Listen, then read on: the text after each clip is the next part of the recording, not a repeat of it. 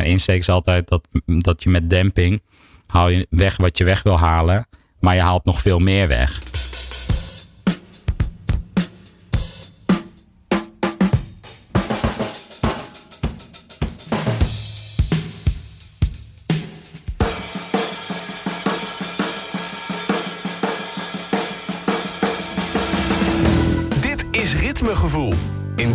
Podcast praat Daan Prins met bekende drummers uit de Nederlandse muziekindustrie. Om te vragen waar hun ritmegevoel vandaan komt. Welkom bij de podcast Ritmegevoel. Dit zal een stevige aflevering van Ritmegevoel gaan worden, want vandaag is de drummer van Tusky te gast. Punkrockmuziek is wat je kan verwachten van deze heren en een vette en harde drumsound hoort daar natuurlijk bij. Hij is drumtech geweest van John Coffey, maar geeft nu ook les op de Herman Brood Academie. Te gast in Ritmegevoel is Bas Alijn Richier. Hey, hallo. Ja, tof dat je er bent. Ja, thanks. Gezellig. Thanks voor de uitnodiging. Ja, eh, we zitten hier met een biertje. Laten we daar maar eens even mee beginnen. Ja, Met zeker. een, een Tusky biertje. Dus misschien wel even goed. Het heeft niks met drummen te maken. Daar gaan we het zo meteen nog eh, uitgebreid over hebben. Maar laten we daar eens even mee beginnen. Ja, dat is sowieso goed, een goed begin voor alles, toch? Ja, bier. ja. Jullie hebben een eigen biertje eh, gebrouwen. Dit is Ja. al de tweede inmiddels, toch? Ja, dit is de tweede keer dat we dat doen. De eerste keer was met de Utrechtse brouwer Oproer. En nu met de neef van onze zanger Vladimir. Die is de brouwer bij Bevog uit eh, Oostenrijk. En die kan ontzettend goed bier brouwen, zoals je nu proeft. Ja. Eh, zelfs drie maanden over datum is hij nog wel, eh, Nee, hij nog is wel nog- te doen. Zeker, nee, dit is erg lekker. Dus Ja. jullie hebben gewoon als, ja, en dat moet bijna wel als punkrock groep zijnde, een eigen biermerk. Want dat is de muziek die, die Tusky maakt, punkrock. Ja, Maar laten we eens even teruggaan naar het begin. Wanneer ben jij besmet geraakt met het, met het drumvirus? En dacht jij, dat moet ik gaan doen? ja, dat kan ik me gewoon al. Dat kan ik me niet herinneren hoe dat zat. Nee? Nee, ik weet wel van mijn moeder dat hij dan eh, de, kla- het klassieke potten- en pannen verhaal eh, Ja. vertelt, weet je wel. Ja. En ik ben eh, op mijn achtste naar drumles gegaan. Maar ik, ja, ik neem aan dat daar wel eh, een tijd tussen zat. Dat ik niet op mijn achtste nog met de potten en pannen zat. Wat daartussenin is gebeurd eh, ja, qua drummen weet ik niet zo goed. Ik heb wel altijd, eh, in, eh, wel altijd met muziek bezig geweest. Ook no- in de jongere jaren. Ja. Koor, dingen, Oh ja. kerkkoren. Ja. Ja.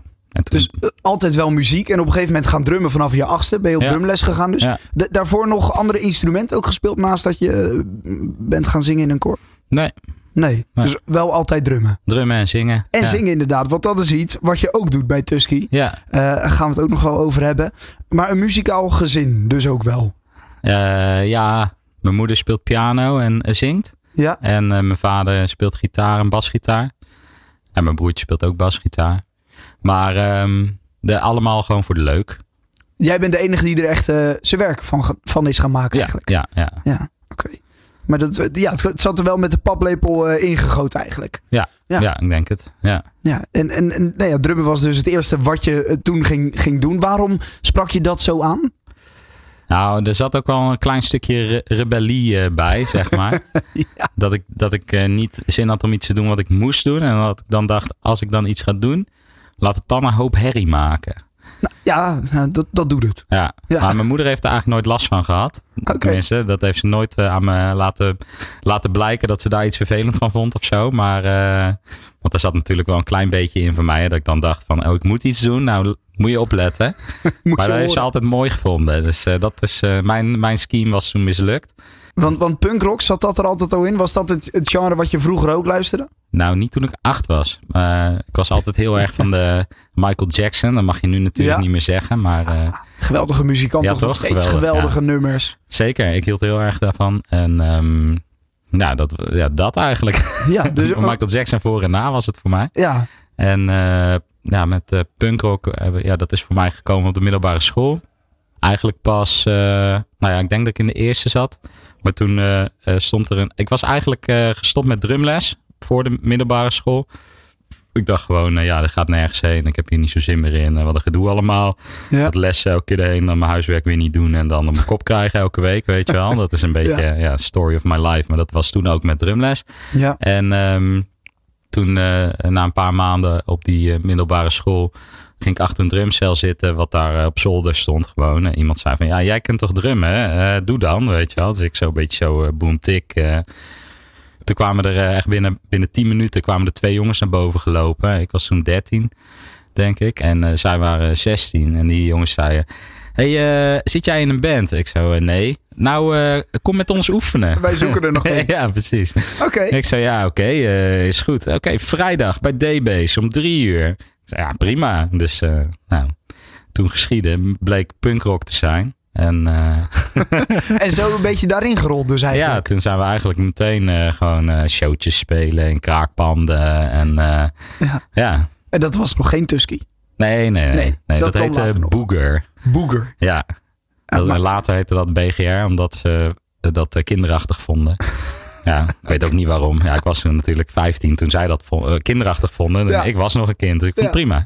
Oké, maar dat was dus wel je eerste bandje. Zijn er nog, eh, de- de- hoeveel bandjes hebben zich daarna gevolgd? En zijn er ook nog andere eh, nou ja, genres geweest waar, waar jij in hebt gespeeld? Of is het, ben je echt gewoon een punkrock drummer? Want, Nou, ik ben wel echt een punkrock drummer. Dit is wel echt mijn ding. oké. Ehm, maar dat begon daar. En als ik nu ook, weet je wel, zo, die, die, we hebben toen twee EP'tjes opgenomen met die, met die eerste band. Als ik dat nu terugluister, eh, zijn overigens hartstikke leuke, leuke plaatjes. Dat vind ik nog steeds echt leuk om naar te luisteren. Ehm, maar als ik, eh, eh, als ik daarnaar luister, dan hoor ik eigenlijk hoor ik ook echt mezelf drummen zoals ik nu drum. Ja, ik kan nu, nu kan ik het iets beter, maar wel echt zeg maar dezelfde insteek of zo. Ja. Je, hetzelfde gevoel wat ik toen had, dat heb ik eigenlijk nu weer een soort van teruggevoeld. Laat ik het zo zeggen. Ja, een bepaalde stijl heb je dus ook nog steeds bij Tusky. Wat jou als drummer herkenbaar maakt. Nou ja, ja dat, dat denk ik zelf, maar dat eh, laat ik aan anderen om eh, over te oordelen. Ja, dat is wel altijd het doel, toch? Dat, je- dat je wel aan de, de, de sound, de band herkent natuurlijk. En nou ja, een drummer is daar zeker wel een onderdeel van. Ja, dat denk ik wel. Ja, Ja. oké. Eh, Tusky dan dus, hoe ben je daarin eh terechtgekomen? We hadden. John Coffee was afgerond. Ehm, ik was drumtech daar. En ehm, ja, dus we waren zeg maar allemaal eh, werkloos. eh, bij wijze van spreken. We deden Ja. natuurlijk allemaal dingen daarnaast voor het geld. Maar Ja, eh, gewoon qua, qua, qua toeren en banddingen. deden Sjors en ik allebei niet zoveel. Sjors, de gitarist van Tusky. En Ja. hij was ook gitaartech bij John Coffee. Dus we hadden een tijd samengewerkt. En ehm, we waren een biertje gaan drinken bij, de, bij Café België met de popronde in Utrecht. En ehm, ja, hoe is het gegaan? We stonden daar op straat te drinken, wat helemaal niet mag natuurlijk. Eh, een beetje te schreeuwen. En, eh, eh, en toen eh, zeiden we tegen elkaar: ah, joh, kom, gaan wij toch gewoon een band beginnen. Als die andere sukkels niet willen, weet je wel zo. ja. Dus toen zo geschieden. En toen was Alfred er ook, gitarist van John Coffee. Ehm, en Chris eigenlijk ook.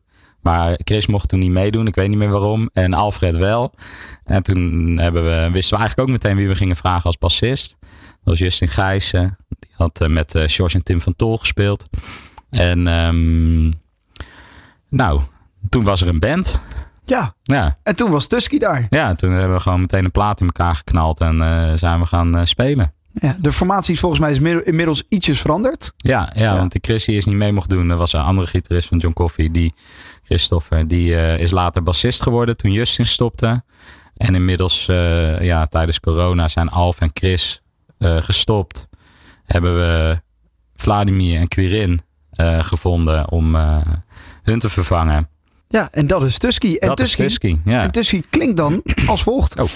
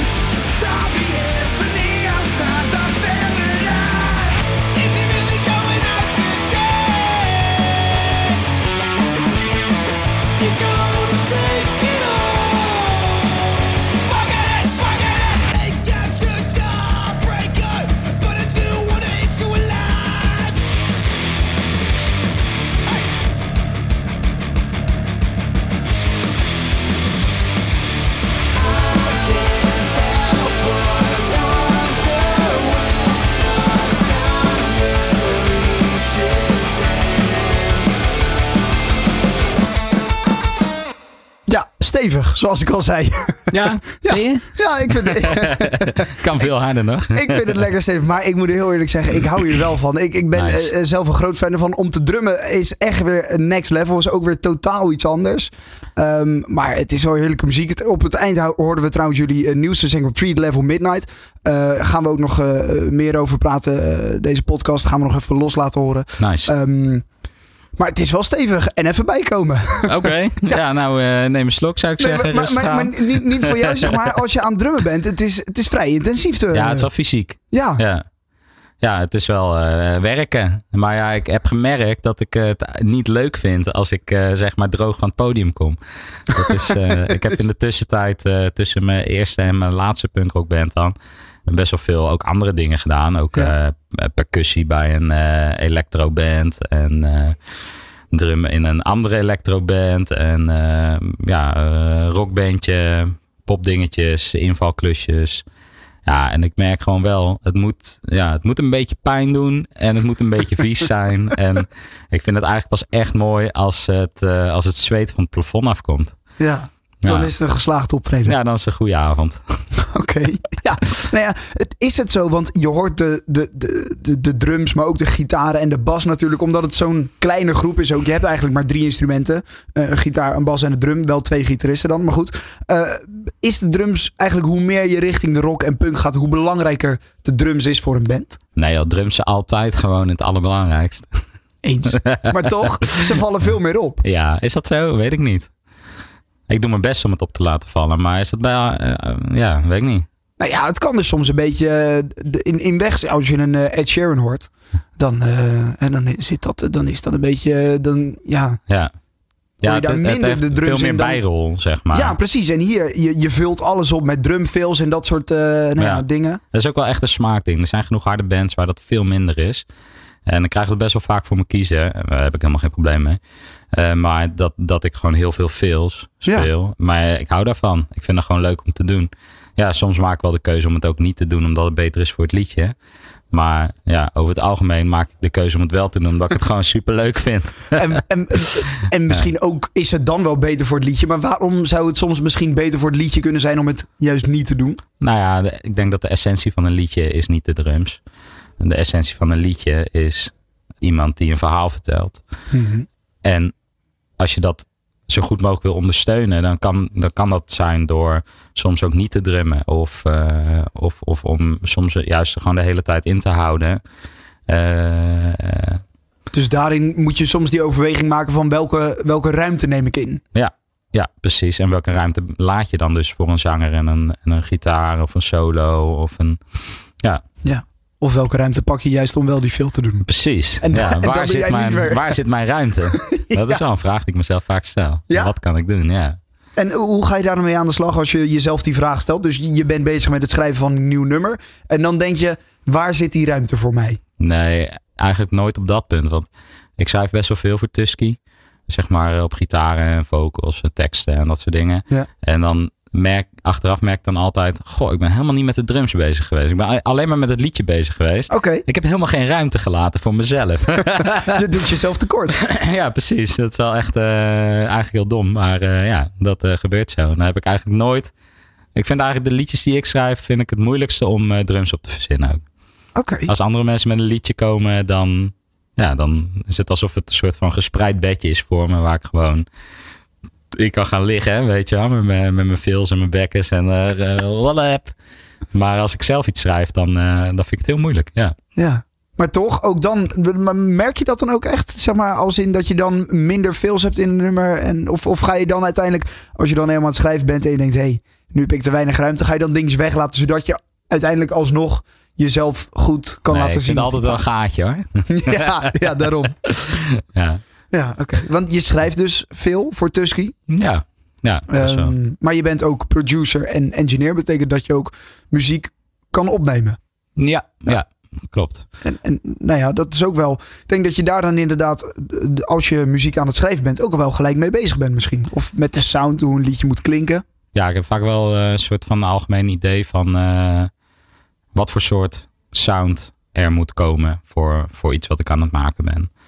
Maar ja, ik weet niet, ik denk dat de Tusky de sound die wij als Tusky hebben, die is best wel bepalend. Onze gitaristen hebben best wel een, een best wel uitgesproken sound en eh, speelstijl.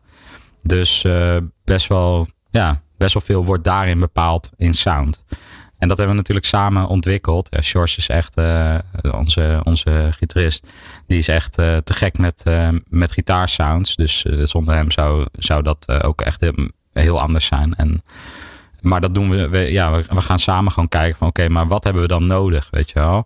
In het begin speelden we met ehm, een open back combo eh 2 keer 12 en een volgens mij semi-open back combo 2 keer 12.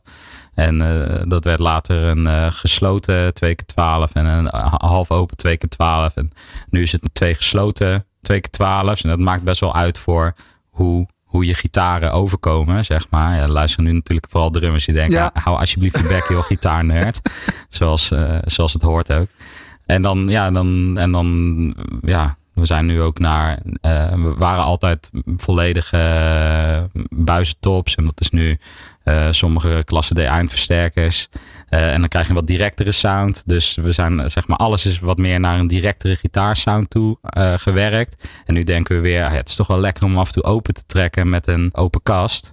Dus ja, dan gaan, zijn we daar weer aan, over aan het Ja, maar die, ja, dus Dat die sound die verandert ook best wel veel nog steeds bij Tusky. Dat is, Ja, dat- langzaam, maar Ja. wel gewoon. het blijft altijd, we blijven altijd praten. Het is sowieso natuurlijk leuk om spullen te kopen, weet Ja. wel. dus we houden nooit op met eh Nee. gitaareffecten en eh backends. En, maar is jouw rol daardoor in de band ook groter? Omdat jij daar heel veel kennis van hebt? nou ja, ik denk dat in, in dat deel van, van wat we met Tusky doen, is mijn rol wel groter dan die van die andere jongens. Kijk, we hakken alle knopen samen door, weet je wel. Dus zij hebben zeker een grote rol in het productieproces.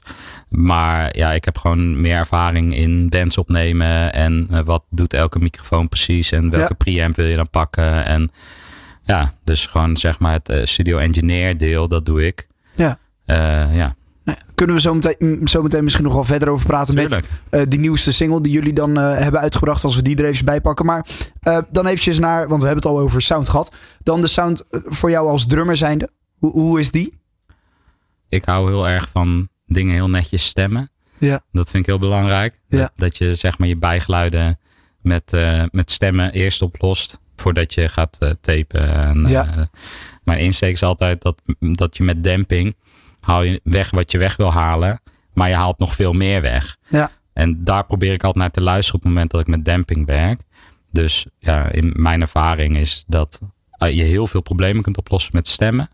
En dan eh, wat je daar niet mee kan oplossen, omdat je bijvoorbeeld je instrument verkeerd aan het gebruiken bent, wat ik heel graag doe. Eh, weet je wel, een tom veel te laag stemmen of zo, omdat Ja. dat voor dat moment het beste is. Nou ja, dan heb je gewoon demping nodig om de bijgeluiden weg te werken. Of als je een snare hebt en je wil dat die wel best wel levendig klinkt, maar wel compact, ja, dan pak je ook demping. Maar ja, mijn uitgangspunt is altijd netjes stemmen. En ik hou best wel van lage drums. Dus Hoort dat ook bij een punkrock bandje? Of hoeft nou, dat nee, niet per se? hoor. Nee, nee, nee. Ja, misschien juist niet. Want Hm. eh, ja, kleine, kleine, kleine trommels zijn vlugger. Weet je wel, Ja. hoge, hoge tonen zijn, Ja. komen vlugger over. Ja. Dus eh, juist voor al die snelle fills en zo werken kleine toms beter. Maar ik vind het gewoon echt heel lekker om op, zo'n op een 18 inch floor te slaan, weet je wel. Als Ja. ik dat op een 14 of een 16 doe, dan denk ik altijd, ja, ja, ja. Ja, Er, dus- moet gewoon, er moet gewoon wat gebeuren. Je, het moet gewoon trillen als je op die vloer eh, slaat. Ja, precies. Ja. mijn- mijn been moet even lekker meetrillen dan. Ja. En ik, wil ook, ik speel best wel veel eh, dingen die een soort van combinatie, eh combinatiepartijtjes zijn tussen bassdrum en floortom. En dan, ja, dan, dan werkt dat best wel goed als je ook wel een grote floor hebt. Maar ja, dan zit je ook weer met een grote vel, dus dan wil je eigenlijk ook weer wat meer dempen. Dus dan gebruik ik wel heel veel demping, ja. Ja. Maar ja, grote maten dus. Ik heb een eh 24 eh, bij 14 eh, Ludwig marching bass, waar ik zelf poten onder heb gezet. Die kocht ik van een vrouw op Marktplaats, eh, ik denk eh 20 jaar geleden, 15 jaar geleden. En die zei tegen mij, eh, wil je het winkelwagentje er... Oh, met een Limburgs accent natuurlijk. Maar wil je het winkelwagentje er ook bij? Want die gebruikte hem dan in de fanfare met de carnaval, weet je. Oh, Dat was ja. echt een prachtig ding. Dus eh, ik zei, nee, ik hoef, ik hoef het wagentje niet. Maar maar zitten. Doe mij maar een pedaal erbij. Ja, een halve liter. ja, nee, was eh, dus dat. Daar speel ik op. Eh, en ik, ik, heb, ja, ik, ik heb altijd gedacht, ja, er moet een punt komen waarop ik denk, ah, die andere kick klinkt beter. En dat is gewoon niet zo. Deze kick niet. is gewoon super. Hij is 24 bij 14. En ehm, Dat is wat- groot. ja, is groot. Ja. Het is zeg maar grote diameter, maar eigenlijk heel ondiep. Hè? Want de, ja, dat wel de meeste inderdaad. kicks 14 zijn is... 16 of 18 diep. Ja. Of zelfs 20 kan. Hè? Maar eh, ja, wat ik heel fijn aan vind, juist voor de muziek die ik maak, is dat die eigenlijk heel eh, vlot en direct is.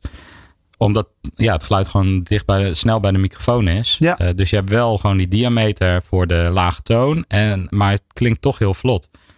Dus dat, dat vind ik heel prettig spelen. En dan heb ik een 18 bij 16 floor. En eh 14 bij 8. Eh, dat is een Classic Maple gewoon. Een net, eh, nette Classic Maple. En dan heb ik een 14 bij 8 eh, um, Black Beauty. Ja. Ja, Ja. ja dat is Zo'n een le- roze. lekker diep ding. Ja. Knallen. ja, daarvan, dat is ook zo'n trommel waarvan ik dan altijd. Die heb ik dan een keer op de kop getikt omdat hij had lakschade. En zei ja, maar ja, ik wil er wel 600 euro voor hebben. Ik zei, ja, 600 euro is de helft van de prijs, man. Geef, geef dat ding hier. Ik koop hem wel. dus dat ding ziet er niet uit. Echt, eh, de, nou ja, niet de vieste Black Beauty die ik ooit heb gezien, maar de op één na vieste. Eh, die andere is van Karsten van John Coffee. Nog ietsjes Die van mij is ook vies. Maar, Ja. ja. ja, eh, Maakt dat uit? Maakt het jou uit? Nee, helemaal niks. Nee. Is het wordt hij daardoor mooier? Ben je juist bang om hem schoon te maken vanwege alles wat hij heeft meegemaakt? Of- Nee, nee, ik ben wel te lui om hem schoon te maken. Dat, Nee, dat als, is het, het eh, meer. als het in de weg zit van het geluid, dan gaat er een doekje overheen. Maar, ja. eh, Maar het kan juist soms ook hoe ouder iets is. Hè? Met hout natuurlijk. Hoe ouder het hout bijvoorbeeld. Ja, dat, dat geeft een bepaalde klank. ja, ja, dat is waar. Ja. Ja, maar dat, daar, daar doe ik het niet per se voor. Ik hou juist ook wel weer van hele moderne drums. Ja. Weet je wel, scherpe draagranden, mooie afgewerkte ketels. Die, die vind ik gewoon het beste klinken. Ja. En die, ik heb vroeger best wel veel op ehm, eh, vintage drums gespeeld. En hoewel ik dat ook mooi vind, ja, zorgen alle imperfecties ook wel weer voor heel diffuus geluid of zo. En voor wat ik doe, is dat niet handig. Je wil gewoon impact hebben. Ja. En dan, en dan werken moderne dingen toch gewoon het best. Nou ja, die bassdrum is wel eh, uit de jaren 70. Maar ik weet niet wat er is met dat ding. Klinkt gewoon altijd het best. Klinkt gewoon Ja. altijd goed. Ja. Ja, want jij zegt het moet ook inderdaad eh, kort en direct zijn. Nou, dat is iets wat Olivier Lucas, die te gast was in aflevering 7, zeg ik uit mijn hoofd. Eh, die is natuurlijk ook eh, de drummer van de Wodan Boys. Die Ja, zei we ook, hebben wel eens samen gespeeld. ja, nou ja, die, zei, die zei ook, omdat, omdat, het, eh, omdat de noten zo snel op elkaar zitten, moet je ook zorgen dat, dat de klankensoort weer, weer snel voorbij is. Omdat de volgende Ja. noot, die, die begint alweer. Ik heb er wel verschillende ideeën over hoor. Want dat, dat is tot op zekere hoogte zo live, denk ik. En op, in studio vind ik dat veel minder. Kijk, hoe ik het zie is dat als je op een trommel slaat, dan voor ons drummers klinkt zo'n trommel als veel te lang. Weet je wel? Maar op het moment dat je zeg maar, dus eh, ja, dat is dan, eh, ja, ik teken het nu in de lucht, hè, dat, dat, eh, hoor, dat zien jullie allemaal. Een soort puntje in de lucht. Nee, oké, ik ga het gewoon proberen uit te leggen. Dus je slaat en dan krijg je de attack en dan sterft die uit. En dat duurt Ja. misschien wel, ja, weet ik veel, zes seconden of zo. Ja. En dat vinden wij dan allemaal heel erg lang als we, de, als we erop slaan tijdens het stemmen. Ja. Maar op het moment dat jij gitaren gaat spelen, dan overstemmen die gitaren heel snel die drum. Dus om een tom doom te laten klinken in een mix, moet die minimaal twee of drie keer zo lang zijn dan zolang als dat je hem hoort als je hem solo speelt. En dat is e- echt zo'n valkuil voor drummers om dingen heel erg te gaan dempen en kort te laten klinken. Eh, zeker in studio setting heb je eigenlijk veel meer nodig om dat kleine beetje te hebben. Dus misschien voor jou alleen als drummer zijnde is dat mooi als die niet zo lang doorresoneert. Maar Handig. juist in het geheel van de band moet die juist een beetje... ja, van de mix vooral. ja, van, van de mix, ja. Ja, maar ja, kijk, live is het anders. Live wil je gewoon dat. eh, live heb je ook. kan je veel makkelijker fixen met reverb. Eh, en, en is een lang klinkende trommel gewoon onhandig, omdat die ook. Het is laag wat er de hele tijd tussendoor gaat zitten wapperen ook als je niet speelt. En dan eh, resoneert het mee met de rest. Dus dan, dan wil je dat soort geluiden veel minder. En de studio is veel gecontroleerder. Dus dan kun je ook veel makkelijker met dat soort ja, dat soort bijgeluiden die je eigenlijk, ja, die moet je opnemen omdat je een ander stukje van dat geluid wil hebben. Ja. Maar ja, dat, daar kan je wel mee werken in de studio. Maar live is dat gewoon lastig. Ja. Eh, aan een eh, rectoms eh, doe jij niet, hè? Jawel. Oh, wel. Jawel, gewoon Oh. niet, in de, niet, niet live. Oh, gewoon niet live. Nee. Oh, dat is het. Live wil je ze niet. Nee, Maar- ja, nou ja, ik wil ze soms wel. Dus dan neem ik ze mee en dan hang ik het op. En dan zeg ik altijd zo... Godver, ietsje naar links. Nee, toch ietsje naar... Ah, ah, nee, net hing die goed, weet je wel. Ja, dit is zo bewerkelijk. En ik ben zo comfortabel zonder. Dus... eh, nee, vroeger speelde ik altijd eh, met één rectum. Dat heb ik echt eh, heel lang gedaan, tien jaar of zo. En op een gegeven moment ging ik in een band spelen waarin ik alles heel minimaal wilde. Join the Cavalry was dat. Of minimaal. Het was meer dat we... we hadden twee drummers. En we zaten dan naast elkaar met een soort eh, drumstel wat een soort helemaal in elkaar verweven zat, weet je wel. En dan had ik gewoon een aantal dingen en hij had een aantal dingen. Dus dan waren die beats allemaal best wel opgebroken tussen wat hij en ik speelden.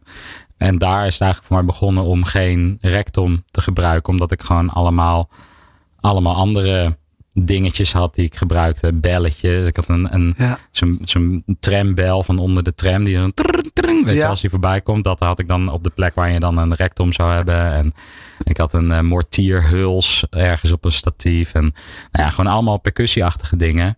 En ehm, nou, daar heb ik denk ik een jaar of wat mee gespeeld.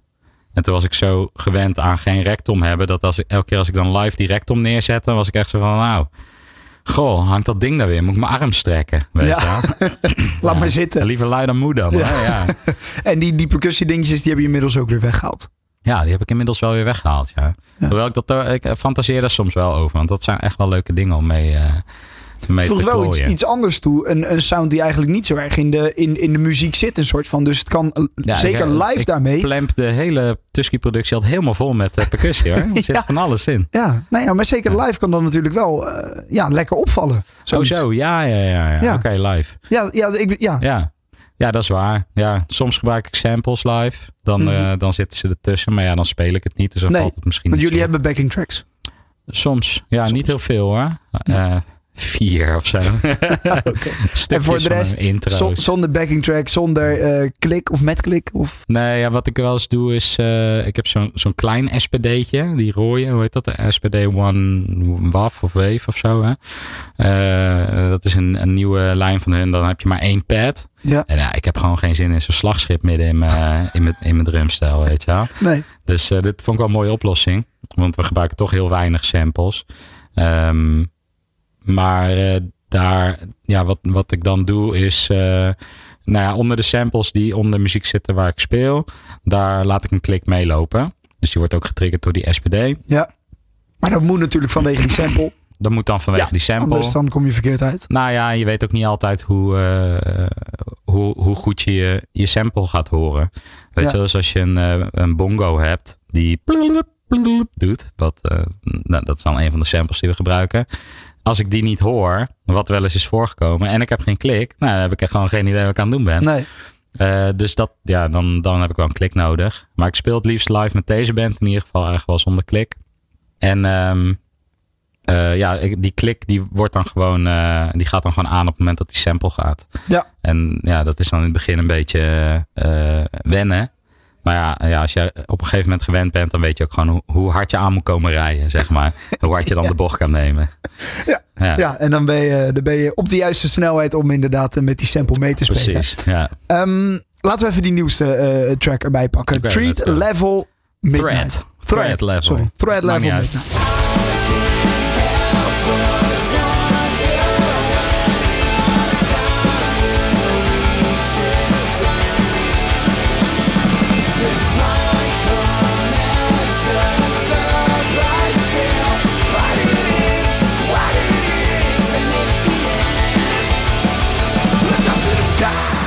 Is deze dan bij jou ontstaan? Of, Eh, eh, nee. Even denken hoor. Nee, deze is echt heel erg van Vlad. Oké, Ja. dus hier had jij meer ruimte om eh, ja, toffe dingen ja. te doen. Let's go. Lekker Tom Fails. Ja, oké. Ehm, maar hoe gaat dat dan in zijn werk? Hij komt met een ideetje en dan liggen daar al een bas en een gitaar en dan mag jij losgaan? Ja, dat verschilt heel erg. Soms komt hij gewoon met een, met een paar riffjes. En dan gaan we samen zitten en dan werken we het uit. Soms is het echt een heel ding met eh, belachelijke drums die nergens op slaan. Eh, eh, en dan is de eerste vraag, kan, kan ik een versie krijgen zonder de drums? Weet je wel? En dan- Ja. Ja. Maar dan bedenkt hij ook iets voor jou. Ja, maar dat is voor hem ook een, een stuk. ja, Een soort houvast. Ja, houvast. Of input voor zijn creativiteit, denk Ja. ik. van, nou ja, hoe klinkt het dan als, als er drums onder zitten? Maar dan vind ik dat het helemaal niet werkt of zo. En dan wil ik er iets anders. Ja, ja. Ja, Eh, prima. ja. Moet kunnen toch? ja, toch? Ja. Ja, mijn ervaring is dat gitaristen die drumpartijen programmeren dat gewoon niet zo goed kunnen. Eh, omdat ze gewoon niet begrijpen waar de kick en de snare hoort te zitten, weet je wel. Ja. Eh, maar daar hebben ze dan ook gewoon niet voor geleerd. Dus eh, ja, dat is Prima. prima. Ja. Dat is weer jouw rol. Ja, precies. En dan ga jij dan, eh, doe je alles live of begin je ook met een soort drumcomputer en begin je daar met een beetje ideetjes en uitwerken? Of... Nee, ik heb dat wel eens gedaan, eh, maar ik vind er echt heel veel moeite. Ja. Ja, gewoon de hele klikken met die muis de hele tijd en Ja, zo. Ja, nee, ik doe gewoon zo paddelwaddenwap en dan, ja. Jij zet hem liever aan en speel dan gewoon mee en luister dat terug. Ja, mensen gaan gewoon zitten met een paar gitaren en, eh, en een drumstel en dan werken we gewoon alles samen uit. Gewoon in de repetitieruimte. Ja, ja. En dan, maar dan neem je het wel op zodat je het terug kan luisteren of hoor Ja, je dat gewoon- direct of nee, het werkt gewoon op een telefoontje. Ja. Gewoon een filmpje maken of zo. En dan, eh, en dan soms, eh, soms probeer ik dat nog een soort van dan luisterbaarder te masteren. En eh, weet je wel, naar de juiste snelheid te, te trekken. Voordat we allemaal weten wat we aan het doen zijn. Maar meestal werkt dat gewoon prima. Nou, gewoon simpel even demoen met één microfoontje. En dan, eh, ja. En wanneer ben je dan bezig met het live eh, optreden? Of is dat bij jullie niet zo'n groot probleem omdat jullie toch houden van, nou ja, ja, simpel wil ik niet zeggen, maar je zei net zelf, we gebruiken niet veel samples als we live optreden. Dus is er bij jullie een bepaald moment dat jullie denken, nou, wat kunnen we dit live spelen? Of hoe werkt ja, dat bij jullie? zeker. Ja, nee, want eh, we zijn eigenlijk, eh, eigenlijk zijn we een hele gelaagde band. Het is zeg maar, het is niet eh, gitaartje links, gitaartje rechts, solootje in het midden en, en drums onder en gaan. Ehm, we bouwen alles best wel stevig op, weet je wel. Het is soms- twee keer links, twee keer rechts, gitaar in het midden, orgel eronder, piano. Ja, dus eh, ja, er zitten soms echt wel gewoon. eh, eh, deze, deze track heb ik een paar weken terug heb ik die naar de, naar de mixer gestuurd. Had volgens mij 118 sporen. Oké, Ja, ja. ja dus ja. Dat is gewoon wel veel. Ja. Ja. en dan, dan moet je dus wel, en dat klinkt natuurlijk wel gewoon als een bandje, maar dat is een beetje, nou ja, naar mijn mening, een beetje de truc. Het moet niet te ingewikkeld klinken, maar ik vind dat pas echt goed gaat klinken als je het heel mooi en subtiel vult met heel veel verschillende klankkleuren eigenlijk. ja. Dus soms doe ik ook gewoon wel, ja, weet je gitaarpartijen of baspartijen dubbelen met een piano. Gewoon alleen maar voor de klankkleur. Of door een, oor- door een, door een Hammond. Eh, eh, gewoon om het, ja, om het een voller, voller geluid te geven of zo. Ja. En live is dat dan niet per se nodig? Nee, joh, live is dan met zweet en bier. en eh, dan vinden mensen al lang mooi als je die gitaar door de lucht smijt, toch? Ja, Ja, en de, ja, dan, dan geef je zoveel meer, weet je aan Ja. energie. ja. Die, eh, ja, wat je niet kan op een plaat. eh, als je zeg maar met je oortjes in eh, Spotify zit te luisteren. Ja, dus zo, dat is zeg maar hoe wij dat oplossen. Wij geven gewoon heel veel energie live. En, ehm, en, en op plaat produceren we het eigenlijk best wel heftig. En dat het wel simpel klinkt. Maar dat het eigenlijk wel best wel vol met van alles zit. ja. Gewoon allemaal van die kleine verrassingjes die je na maanden nog kan hebben, weet je wel. Maar is het dan wel makkelijk om daar een live versie van te maken? Soms wel en soms niet. Nee, Soms lukt het gewoon niet. nee. Ja, dat is dan ook gewoon, accepteren. Maar ja, we zien, we zien die. Maar dan pak je dan een sampletje erbij. Is dat dan een van die vier Dat nummers waarvan je zegt, nou dan. Ja, dan, we moeten we, maar iets, iets erbij nemen? Soms proberen we dat op die manier. En soms accepteren we gewoon dat het niet gaat. Omdat we gewoon eh, iets gemaakt hebben wat eh, heel goed werkt op plaat. En heel moeilijk is om live te doen. Soundwise of qua partijen, weet je wel, zingen en gitaar spelen tegelijkertijd. Ja. Ehm, ja, en dan speel je het of niet, of niet zo vaak live. Of eh, ja, Hij gaat dan wel mee de plaat op. Hij Dat gaat dan zeker mee de plaat op jou. hoor. Ja, maar ja, voor ons is het ook gewoon. eh wij, zijn, wij zijn natuurlijk muzikanten die. Ja, voor mij is het altijd. Ik, ik heb altijd een soort drive om dingen te maken. Mhm. Weet je wel, om gewoon, ja, als, ik, als ik een tijd niks heb gedaan, ga ik gewoon zitten met een gitaar. En dan ga ik een beetje zitten neurien, weet je. Dan denk ik, oh ja, fijn. En dan zegt mijn vrouw op een gegeven moment, hou je nou godverdomme een keer op met een gepingel. Maar ja, dan, ja, voor mij is dat gewoon noodzaak of zo, Ja. weet je wel. Er moet iets gemaakt worden. Er moet iets gemaakt worden. En, en zo'n plaat die we dan maken is meer een soort van stand van zaken. Hoe ver wij met z'n vieren zijn op dat moment. Dus ja, dat, ik, vind, ik vind het altijd gewoon mooi om, om vast te leggen wat we gemaakt hebben. Daar ben ik altijd trots op. Daar ben ik altijd blij mee. Ja. En ook, weet je, ik heb ook niet zo dat ik dan eh, vijf jaar later denk van... Oh nou, eh, dit had ik nu echt heel erg veel beter gedaan. Gewoon vanuit de gedachte... Toen was ik op dit punt, weet je wel. En mm, ja, toen wou ik dit graag maken. Ja, Nu had ik het misschien anders gedaan, maar toen, dat is, ook, eh, het heeft ook de charme van de tijd, toch? ja zeker. Ja, Ja, Daarom. We hadden misschien ook wel een mooie ontwikkeling van de band zien. Als je dat zo misschien nog zo terug zou kunnen luisteren. Ehm, je zingt ook. Bij eh Tusky. Ja. Ja. Dat is, dat is wel een dingetje. ja, best wel veel. ja, ja, best wel veel. Jij bent eigenlijk gewoon de, de eerste tweede stem. Klinkt misschien gek, maar Ja. eh, jij bent de eerste eh, van, van de drie andere. eh nou ja, Vla- Vladimir die zingt dus. Er zijn er nog drie over. En jij bent dan de eerste die erbij moet gaan zingen als dat nodig is. Ja, ik doe alle tweede stemmen, zeg maar. Zie je niet vaak bij drummers. En helemaal niet bij dit soort bandjes. Want nou ja, Olivier Lucas, zijn naam is al gevallen. Je kent hem ook. Ja. Die zei, eh, die, die zingt wel bij Son Milieu, de andere band waar hij in Mhm. speelt. Maar Nou, die zei, als ik dat bij de Wodan Boys ga doen. Een hele andere energie. Ja. En hij zei, als ik dat bij de Wodan Boys moet gaan doen. Dan ben ik mijn tanden kwijt na, na één optreden. Ja, Eh, hij beweegt zoveel, wil gewoon alle ruimte hebben. Maar jij zit best wel gebonden aan, nou ja. ja, ja ik, eh, Of zie je dat niet zo? ik, ik zie dat niet zo. Nee, ik heb een microfoon gewoon zo. En dan ben ik aan het drummen. Ga ik zo. En dan ga ik zingen, ga ik zo.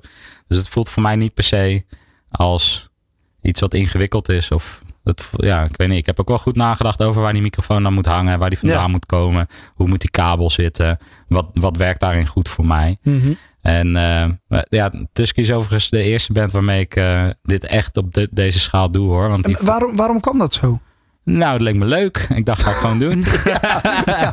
Zoals zoveel dingen gaan die ik doe. Ja. Ja, nee, eh, nee, ik heb dus vroeger heel veel gezongen in, in koren. En ook, eh, eh, ik zat op de kathedrale koorschool in Utrecht. Dus echt veel en veel... eh, gewoon dan kwam je, kwam je op school. eh, dus dan was, was groep 7, 8. Hè, en dan eh, kwam je op school en dan moest je 's ochtends eerst eh, 20 minuten of zo eh, zangoefeningen doen. En dan ging je eh, je lesjes doen. En dan eh, halverwege ging je oefenen voor de kerkdienst eh, zondag. En dan aan het einde deed je nog eh, 20 minuten oefeningen. Weet je wel, dus zoveel werd er dan Ja, gezongen. ja. En eh, na de basisschool heb ik eigenlijk helemaal niet meer gezongen. Dus eh, eh, ben ik in punkbands gaan drummen. En ja, toen had ik nooit de, het idee dat ik daar dan iets mee zou moeten. Nee. Want iemand anders deed dat, was iemand anders zijn rol, weet je wel. Ja. En op een gegeven moment was het nog wel bij Join the Cavalry, geloof ik. Helemaal op het einde. Die dingen zijn ook nooit echt uitgekomen. Maar toen wilden we wat driestemmige dingen gaan doen. En toen zei ik, nou, ik wil wel proberen. Want ik heb wel een idee van wat ik wil horen. Ik ben altijd, altijd bezig met... Als ik, als ik muziek hoor, dat was al toen ik eh, Michael Jackson luisterde. Toen ik eh, zes was of zo.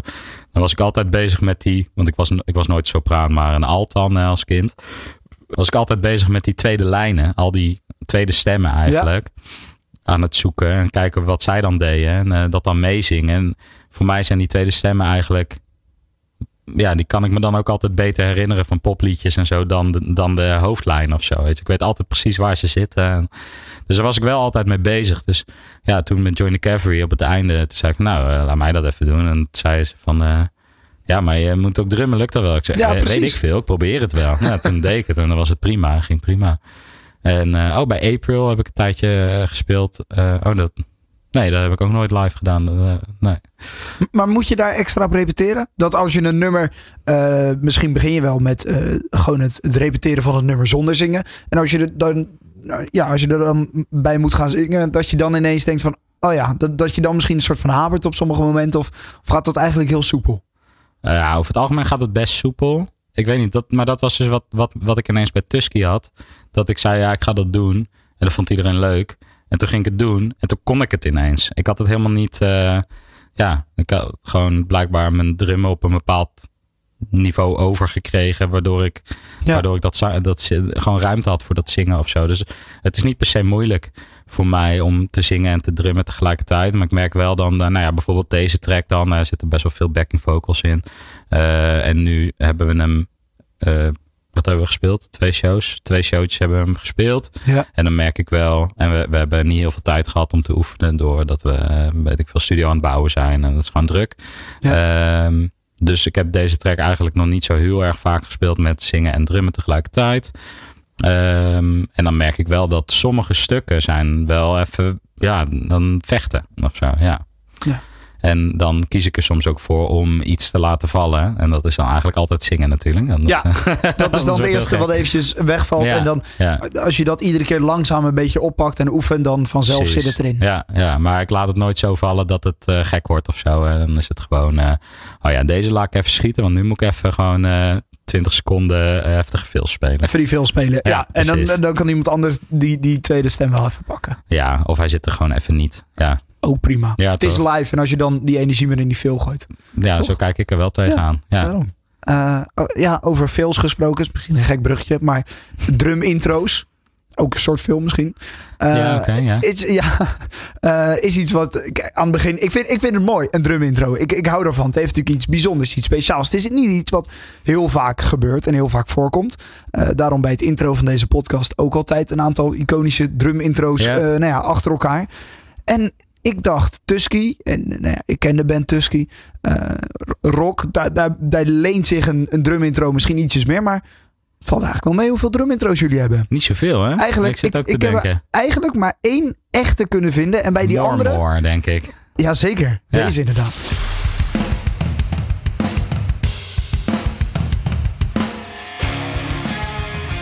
Ik vind dit heerlijk. Ja, dat is nice, zeg. Ja, dat Is, ja.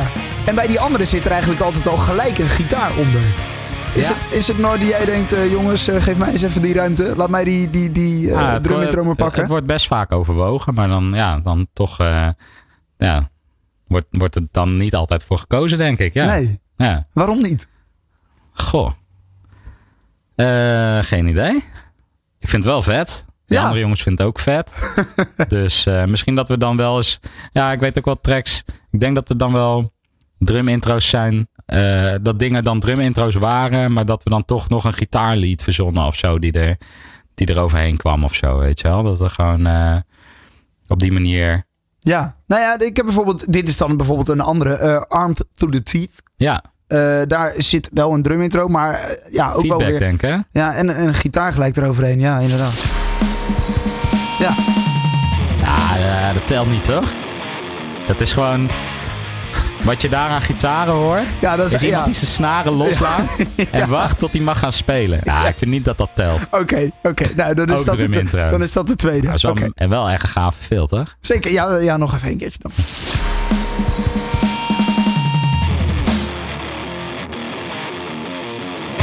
Ja, lekker. Ja. Ja, Ja, dat is een lekker, lekker trackie. ja. Nou ja, en dat is wel hoe een plaat moet beginnen. Hè? Energiek bij jullie. Ja, zeker. Ja, Ja.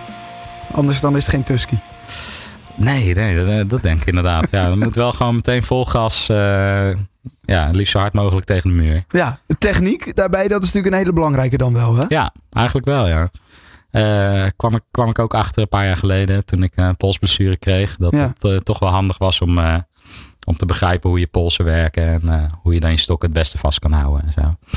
Ja, Ja, dus, maar daar, daar moest je ook veel mee trainen en mee oefenen vanaf die polsblessure eigenlijk. ja eigenlijk wel. Ja. Dat is wel een grappig verhaal. Want eh, ik, had, eh, ik speelde in een paar beentjes. Ik had al een paar, een paar popprojecten gedaan. En ik was een beetje, ik was er een beetje klaar mee. Gewoon dat een beetje trekken aan een dood paard. Ja. En toen, toen was ik gestopt met al die beentjes. Want ik, oh ja, ik had dus die polsblessure. En toen dacht ik, ja, ik heb helemaal geen zin om nu, weet je wel, voor deze bands nu even lekker de hele dag in de sportschool te gaan zitten.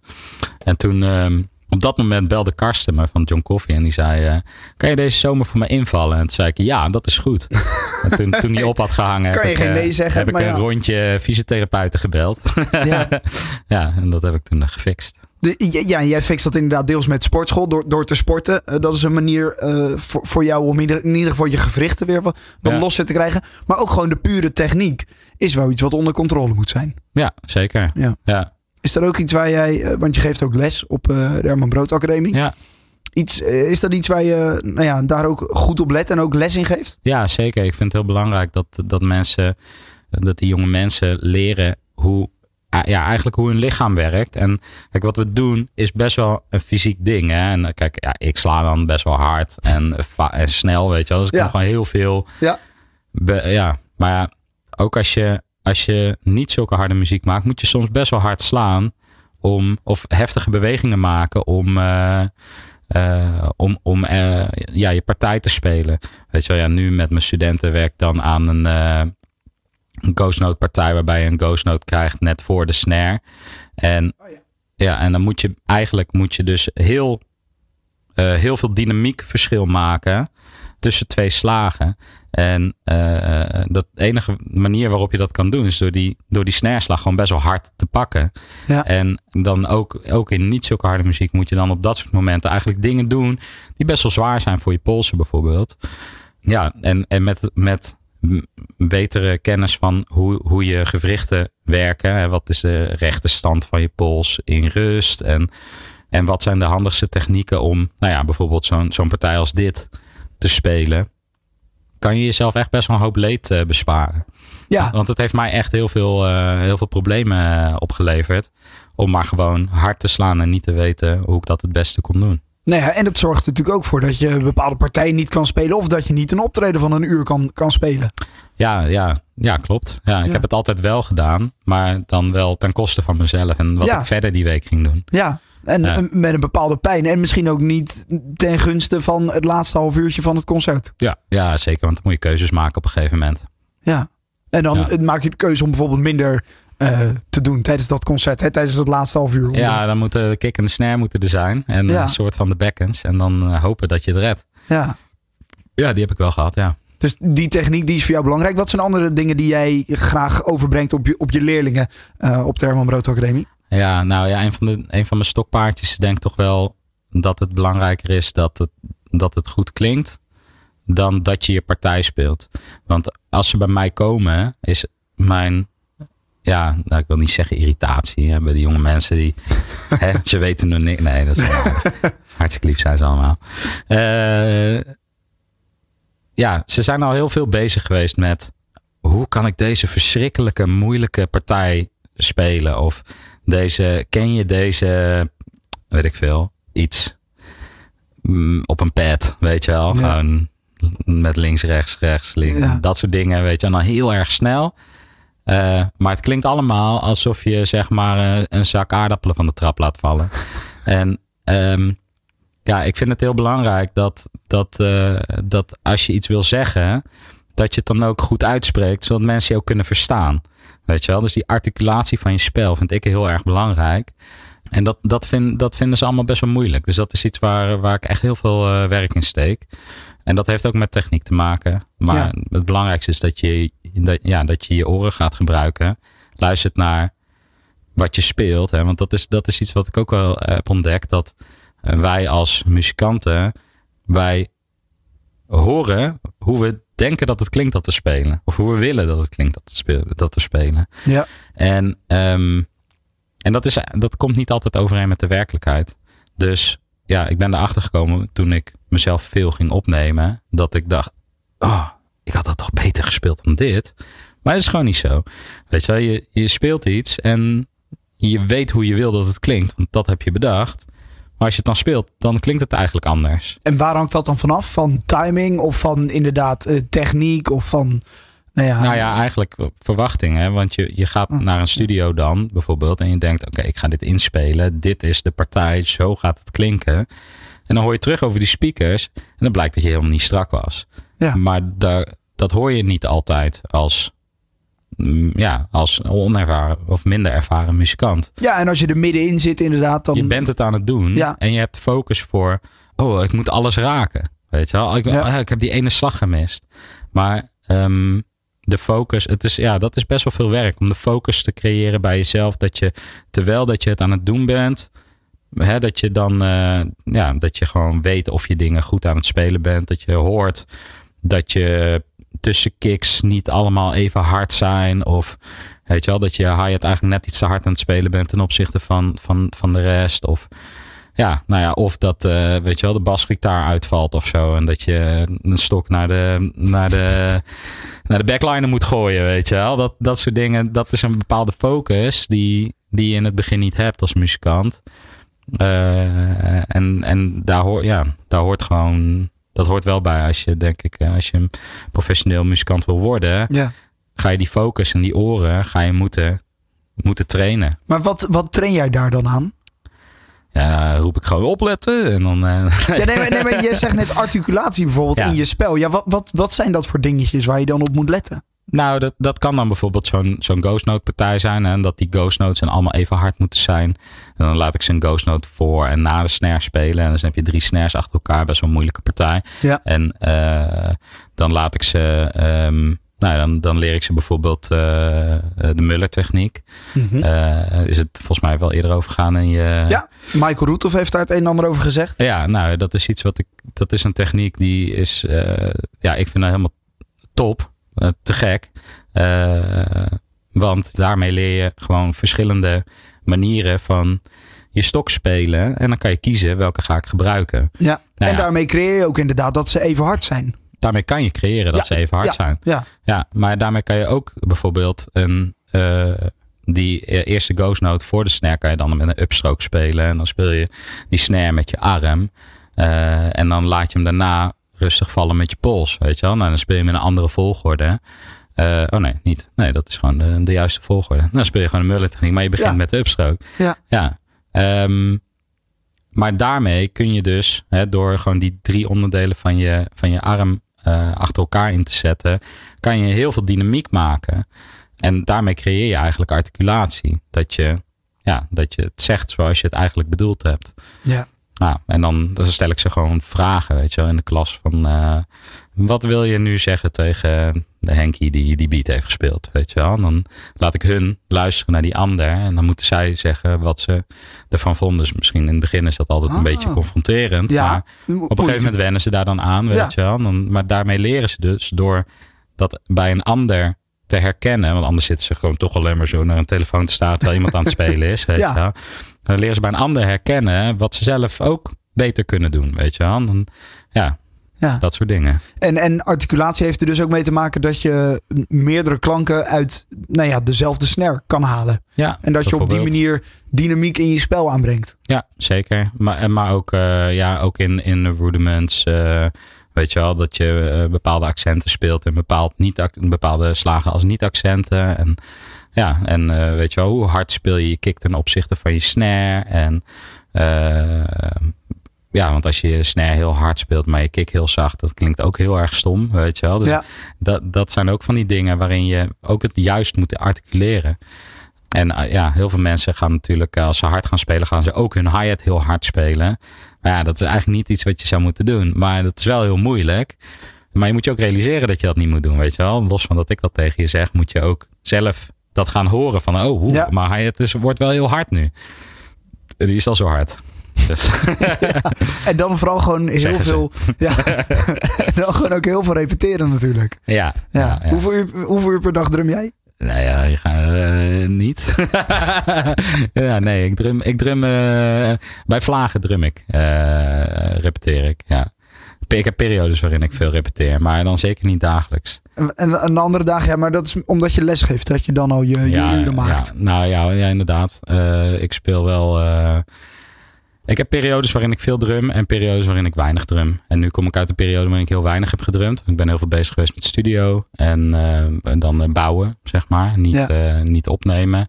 En ik ben wel de afgelopen weken gaan trainen. Zeg maar op de pad en eh, Ja. eh, eh, shows die we dan als een soort van eh warmspeelshows zien, zeg maar, voor de tour waar we heen gaan. En ik moet deze week dan de rest van de plaat erop knallen. Dus dan moet ik wel een beetje fit zijn. Dus ja, dan ben ik weer begonnen met, met in vorm komen. Maar ik weet gewoon, als ik, als ik niet iets heb om voor te werken, nou, dan ga ik gewoon op de bank zitten met mijn benen in de lucht. Ja, dat is zo iemand. eh, Maar als je dan moet werken, dan komt het zweet van het plafond. Zeker weten. Ja. Ook ja. in de studio, want daar ga je zo meteen weer opnemen. Ja, daar kan, eh, kan ik wel een extra shirtje meenemen. Ja, dat vind je, maar dat is wel lekker. Die energie daar moet er ook zitten. Ja, maar het, kijk, het, is, het, is, het is natuurlijk een heel fysiek ding. En, en je moet er wel fit voor zijn. Eh, en het is ook, ook als ik in de studio zit en ik doe alles misschien ietsje beheerster dan dat ik het live zou doen. Het moet ook klinken alsof je hard slaat. Dus dan moet je ook hard slaan. Dus daar kom je niet onderuit. Nee, En dat inderdaad. is ook lekker. Want Ja. als ik het niet doe, dan vind ik het ook niet leuk. Dus eh, eigenlijk valt het allemaal zo in elkaar. Kijk je naar uit studio werk of vind je Zeker. live toch leuker? Oh, eh, ik vind het allebei te gek. Allebei, als ik het niet heb, eh, dan baal ik. Dan mis je het. Ja, zeker. Veel plezier in de studio dan. ja thanks. En daarna ja, is er weer nieuw werk, dus moet er weer opgetreden worden. En kan je dat weer lekker doen. Nou ja, nu doen we het gewoon allemaal tegelijkertijd. Want eh, Nog beter. de studio was niet op tijd af. Dus we moesten het vier weken opschuiven of zo. Drie, drie vier weken. En nu hebben we dus tegelijkertijd met, eh, met dat we de opnames doen, hebben we eh, tour. Heb je alles in één. Ja, super. De gelukkigste man eh, die je jezelf Ja. kan wensen. Ja, zeker. Ja, niet de gelukkigste vrouw thuis, maar eh, ja. Nee, die, heeft, eh, die heeft ietsjes meer te doen zelf thuis. ja, precies. Maar heel veel plezier en heel veel succes met alles wat met drummen te maken heeft. Het lesgeven, het optreden, het opnemen. En thanks voor je tijd. Ja, graag gedaan.